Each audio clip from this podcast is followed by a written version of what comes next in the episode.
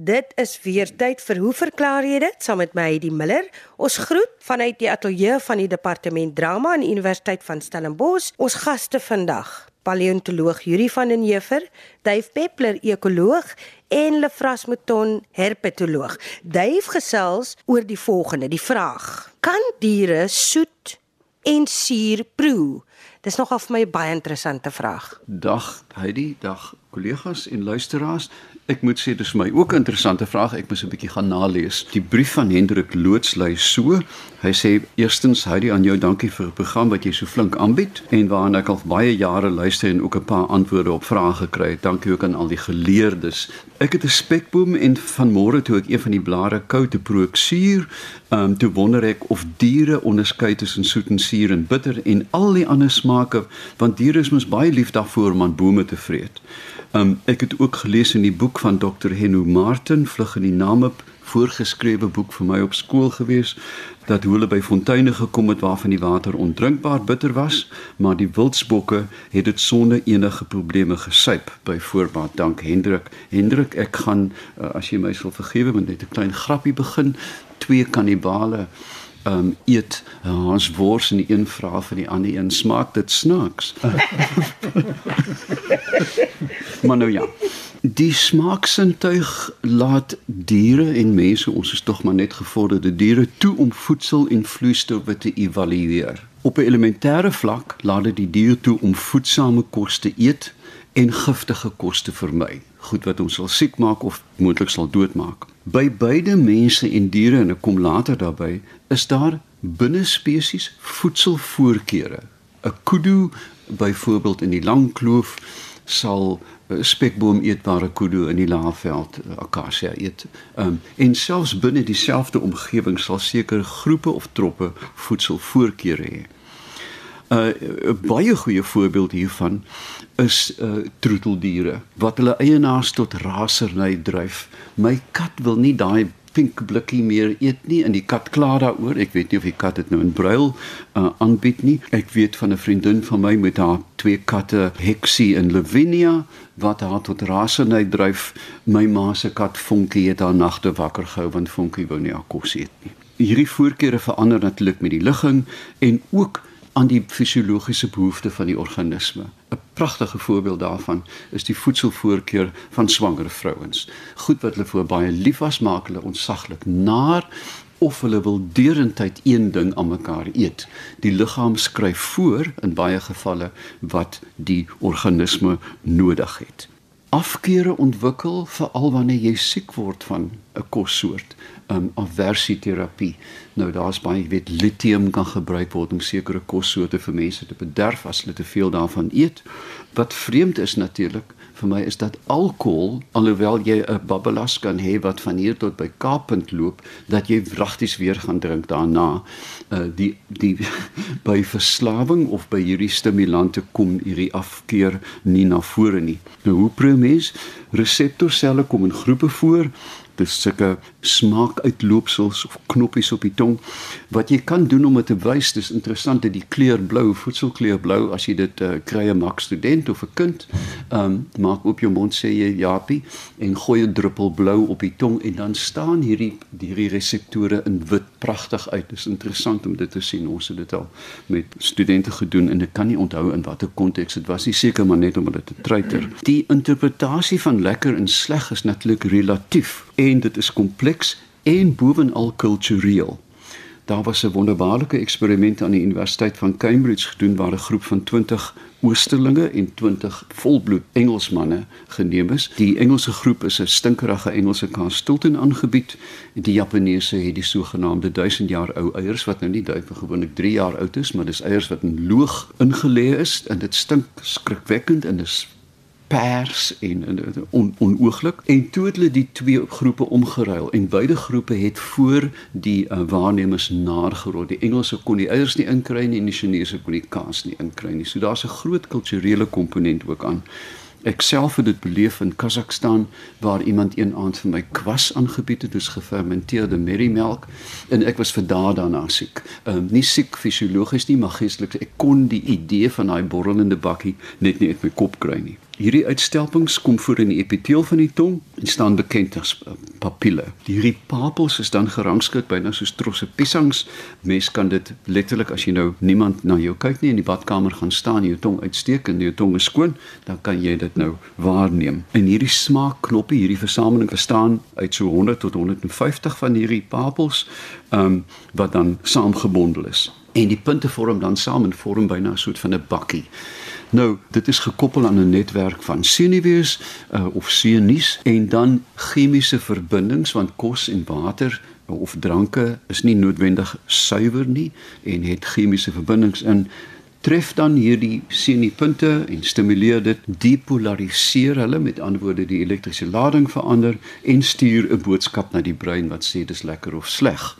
Indien lekker is dit interessant dat die speekselkliere gestimuleer word. Ons kwyl letterlik ehm um, van jy weet as jy braaivleis ruik en jy die dag nog niks geëet het dan vorm daar dadelik 'n dam water in jou mond en ook jy voel jou maag raas dis die maagsappe wat vrygestel word met hierdie stimulus in die brein. En natuurlik dink 'n mens dadelik aan Pavlov en sy wonderlike eksperimente met die klokke en die hond en die hond wat dan kwyl. Een uit elke 4 mense en 'n mens vermoed dit is ook so in die diereryk is sogenaamde superproers wat baie meer akuut kan proe en ruik um, in die parfuumbedryf staan hulle bekend as neuse noses En ons weet ook natuurlik dat smaaksintuig gekoppel is aan reuk, want jy weet die oomblik as jy verkoue kry en jou neus is toe kan jy byna niks proe nie. Met ander woorde, die sensasies wat ons waarneem is soet, dis gewoonlik energieryke kos. Umami wat eers onlangs bygevoeg is, dis aminosure soos in ouerige belee kaas sout wat belangrik is vir ons elektrolytbalans en dan natuurlik suur, almal weet wat suur is, bitter, um, wat gewoonlik 'n mate van toksisiteit aandui. Dan is daar ook natuurlik drempels, dat jy nie oor 'n soutdrempel maklik gaan of oor 'n bitter drempel nie ons moet aanvaar alhoewel ons diere nie kan in onderhoude bevraag nie dat hulle dieselfde mate van sensasie van kossoorte kan beleef want ons kan fisiologies kyk na die tong en ons weet byvoorbeeld dat katte se vermoë om soet te registreer bestaan byna nie waar honde byvoorbeeld weer sjokolade nie kan registreer nie. Dave, jy het nou sover net gepraat oor soogdiere. Wat sou die geval wees by voëls?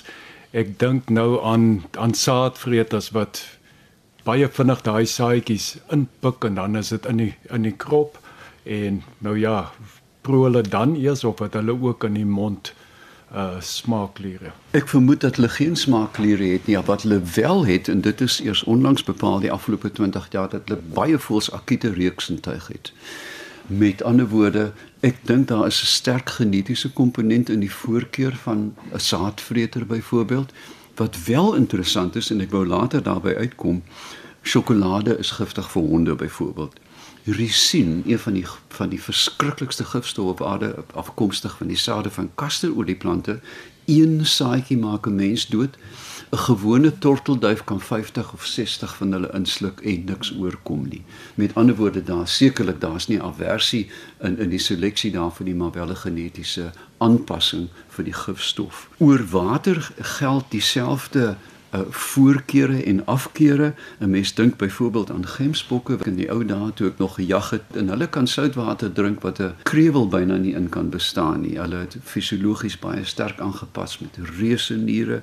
Hulle urine is byna kristallyn. So, daar is natuurlik 'n hemelsbreë verskil in in hierdie komponente tussen organismes, maar ja, diere kan wel uh, in baie opsigte kan hulle proe soos Lefras uitgewys het geld dit nie vir voëls nie. Wat by die insekte aangaan kan ek nie sê nie. Ek dink nie dit is eintlik um, bestudeer nie. Alhoewel ons weet dat inseklarwes wat op 'n sekere plant ontpop wat uit die larwe kom voorkeur gaan gee in die res van daai wurm se lewe aan spinasie alhoewel hulle ook byvoorbeeld tomaties kan vreet. Baie dankie vir 'n lekker vraag Hendrik. Baie dankie Dave Peppler. Lefras met tonnes volgende. Paar plat anders buite of binne die water is jou vraag. Heidi ons het 'n vraag gekry van Don en Karen van Wyk van Graaf Renet. Dave ek is nou al 23 jaar moet hoe verklaar jy dit doenig en oor die jare het ek al baie vrae van hierdie twee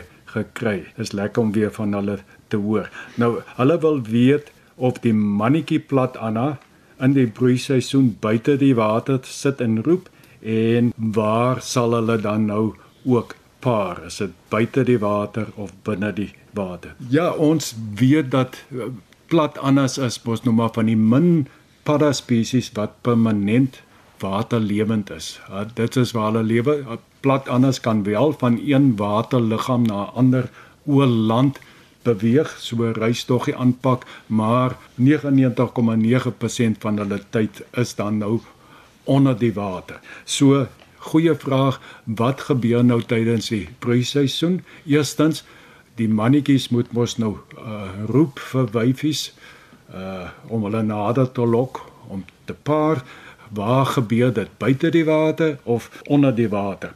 Nou ons weet dat alle paddas Nou nie almal nie, maar die meeste van hulle het dan nou hierdie paringsroepe en dit word buite die water voortgebring en dit gebeur dat lug uit die longe word deur die die klankas die larynx waar die stembande is geforseer en dan daardie stembande vibreer nou maar net soos by die mens ook en dan die klank of die lug gaan in wat ons noem vokale sakke dit is daai lug gaan word nie direk uitgeblaas nie maar in die sakkie net onder die keel en dit word nou opgepomp en dit help om daardie klank te versterk en natuurlik elke keer wanneer dit uh, gebeur dan haal die padda asem kry nuwe lug in die longe en hy blaas dit uh, deur na die lugsakke en hy bring dan nou hierdie klank voort.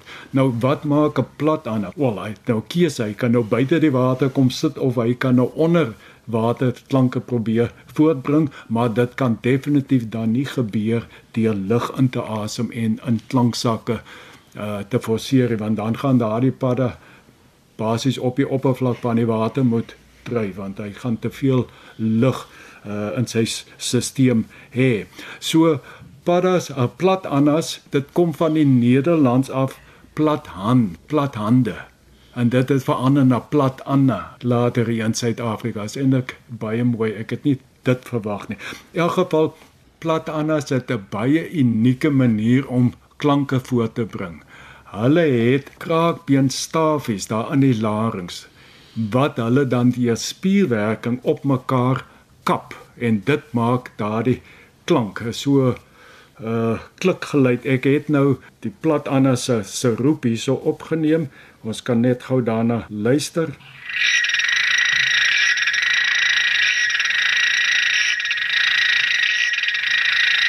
Dit word onder die water gedoen en lyk my daardie klank sal dan seker bo die water ook buite die water ook uh gehoor word en daar is natuurlik 'n bietjie lug in die keel wat help om daardie klank bietjie te te versterk maar dit is kraakbeen stafies hy plat aan hy het nie stembande soos ander uh, paddas nie. En wat ook interessant is is dat hulle uh die wyfies roep ook.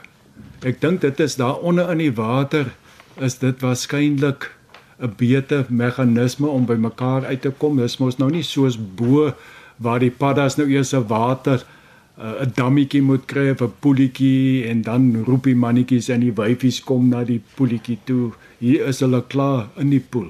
Paring vind dan ook onder water plaas, né? Nee, amplexus die mannetjie vat nou die wyfie vas en en die en die wyfie lê dan nou haar eiertjies en mense sal nou dink onder water uh, as hy eiers nou uitkom en die, die mannetjie pro, produseer nou die sperm dat baie van die sperm gaan wegspoel maar die die mannetjie plat aan het mos sulke skurwe duime of uh, wat ontwikkel tydens sy paarseisoen en lyk my dit is 'n redelike presisie amplexus raakvat of stewig vat en as daai eiers uitkom by die wyfie dan uh, word die sperm baie na in die eiertjies vrygestel sodat daar nie 'n vermorsing van sperm is nie. So ja, die plat anders, dis baie uh, unieke paras en hulle paar en en roep en alles word onder water gedoen.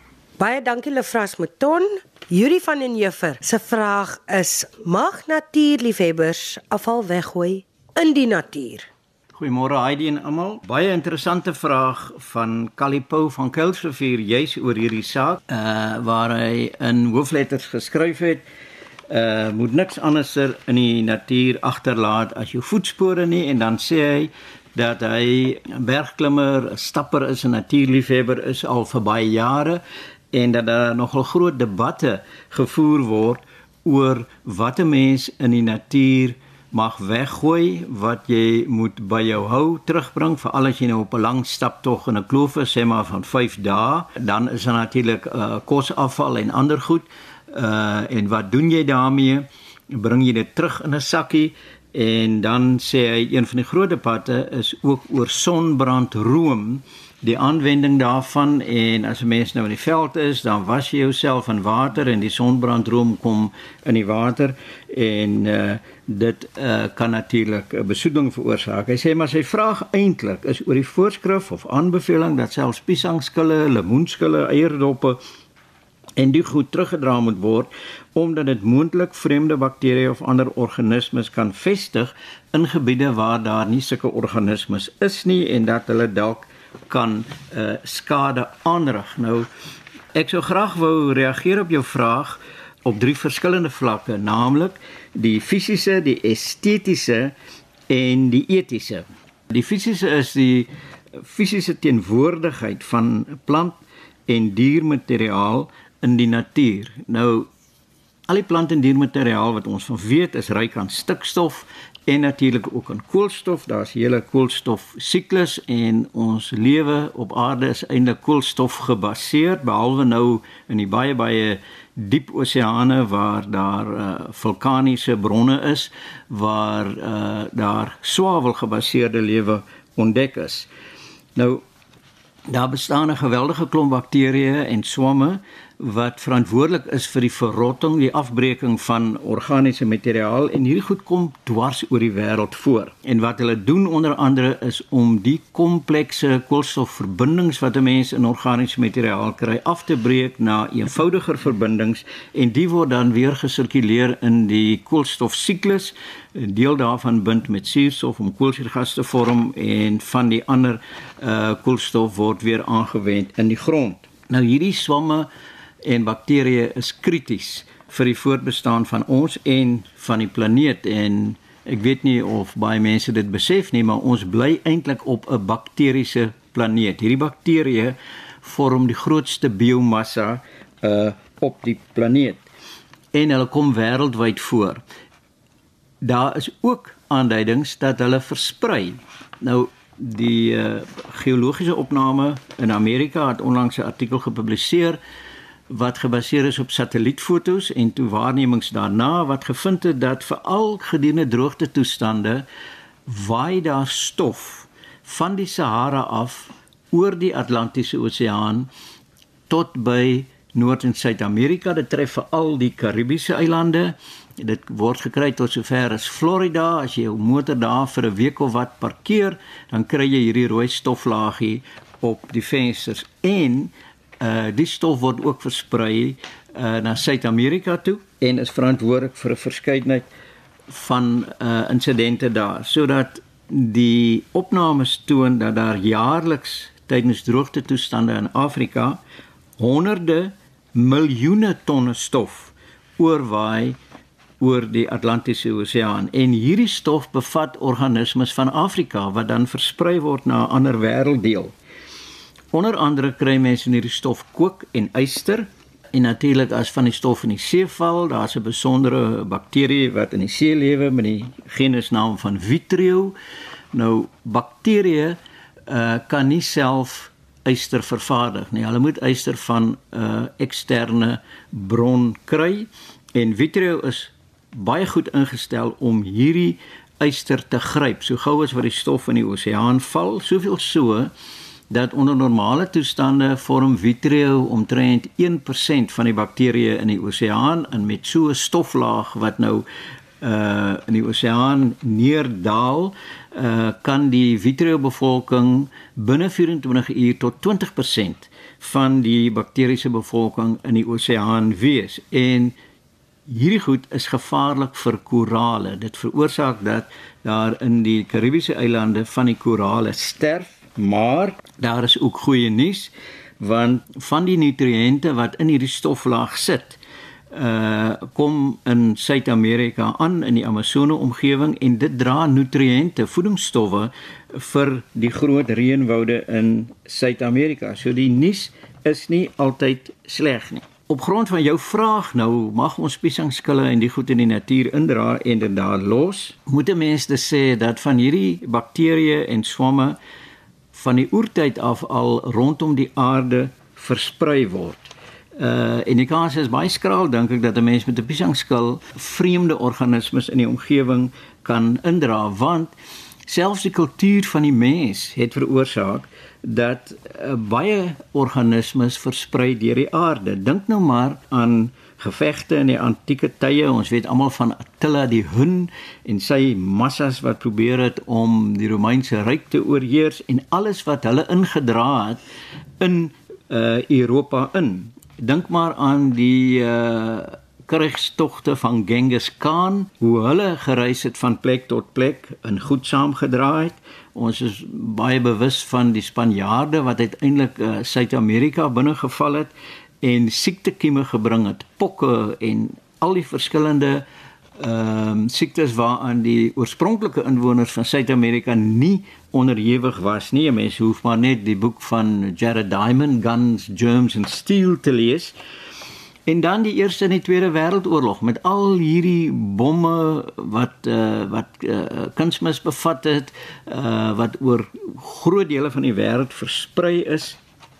Daar selfs in Engeland bevind na die bomaanvalle van die nasies wat dele van Londen omgedolwe het en met hierdie uh uh, uh chemikalieë in die bomme wat soos kunsmis gewerk het daar blomme in hierdie verwoeste omgewings opgekom het wat mense vir 40 jaar nog nooit gesien het nie, maar met hierdie kunsmis wat ingebring is, het dit begin groei. Nou kom ons kyk 'n bietjie meer na onsself. Elke keer, ek weet nie of jy saamstem nie, duif as ek in Jonkershoek oploop en ek sien hierdie klomp dennebome wat daar staan, dan wil ek gril want dit staan in die middel van die fynbos. Dis 'n vreemde plant. Dis 'n uitheemse plant wat ingebring is daar en die goed werp hulle naalde af, die naalde verrot, dit gaan in die in die grond in. Dis is daar gedurig sulke goed wat plaasvind. Die hakia wat ingebring is van Australië, rooikraans, die soort van goed hier teen die Weskus op by die fossielpark is die rooikraans al so ingeburger dat die wildsbokke daar nou al rooikraans as 'n voedselbron gebruik. So daar word tweemaal gedink moet dit uitgeroei word.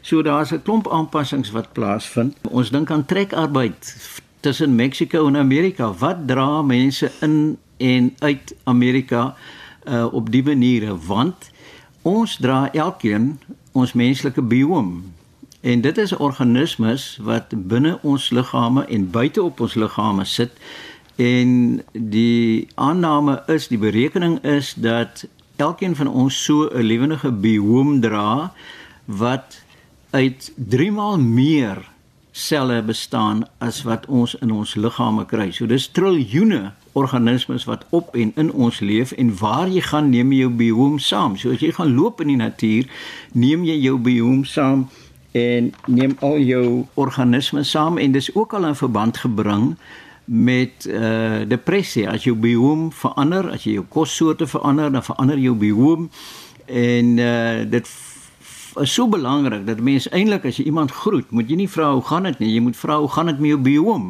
want uh, dit is nogal iets wat jou gemoedstoestand kan bepaal. Verder as 'n mens in die natuur loop met jou hond, uh, dan doen die hond sy besigheid daar en meeste mense neem nou maar 'n sakkie saam en bring dit terug. Maar as jy op 'n 5 dag kloofklim is soos wat uh, genoem word in die brief, wat doen jy met die menslike ontlasting?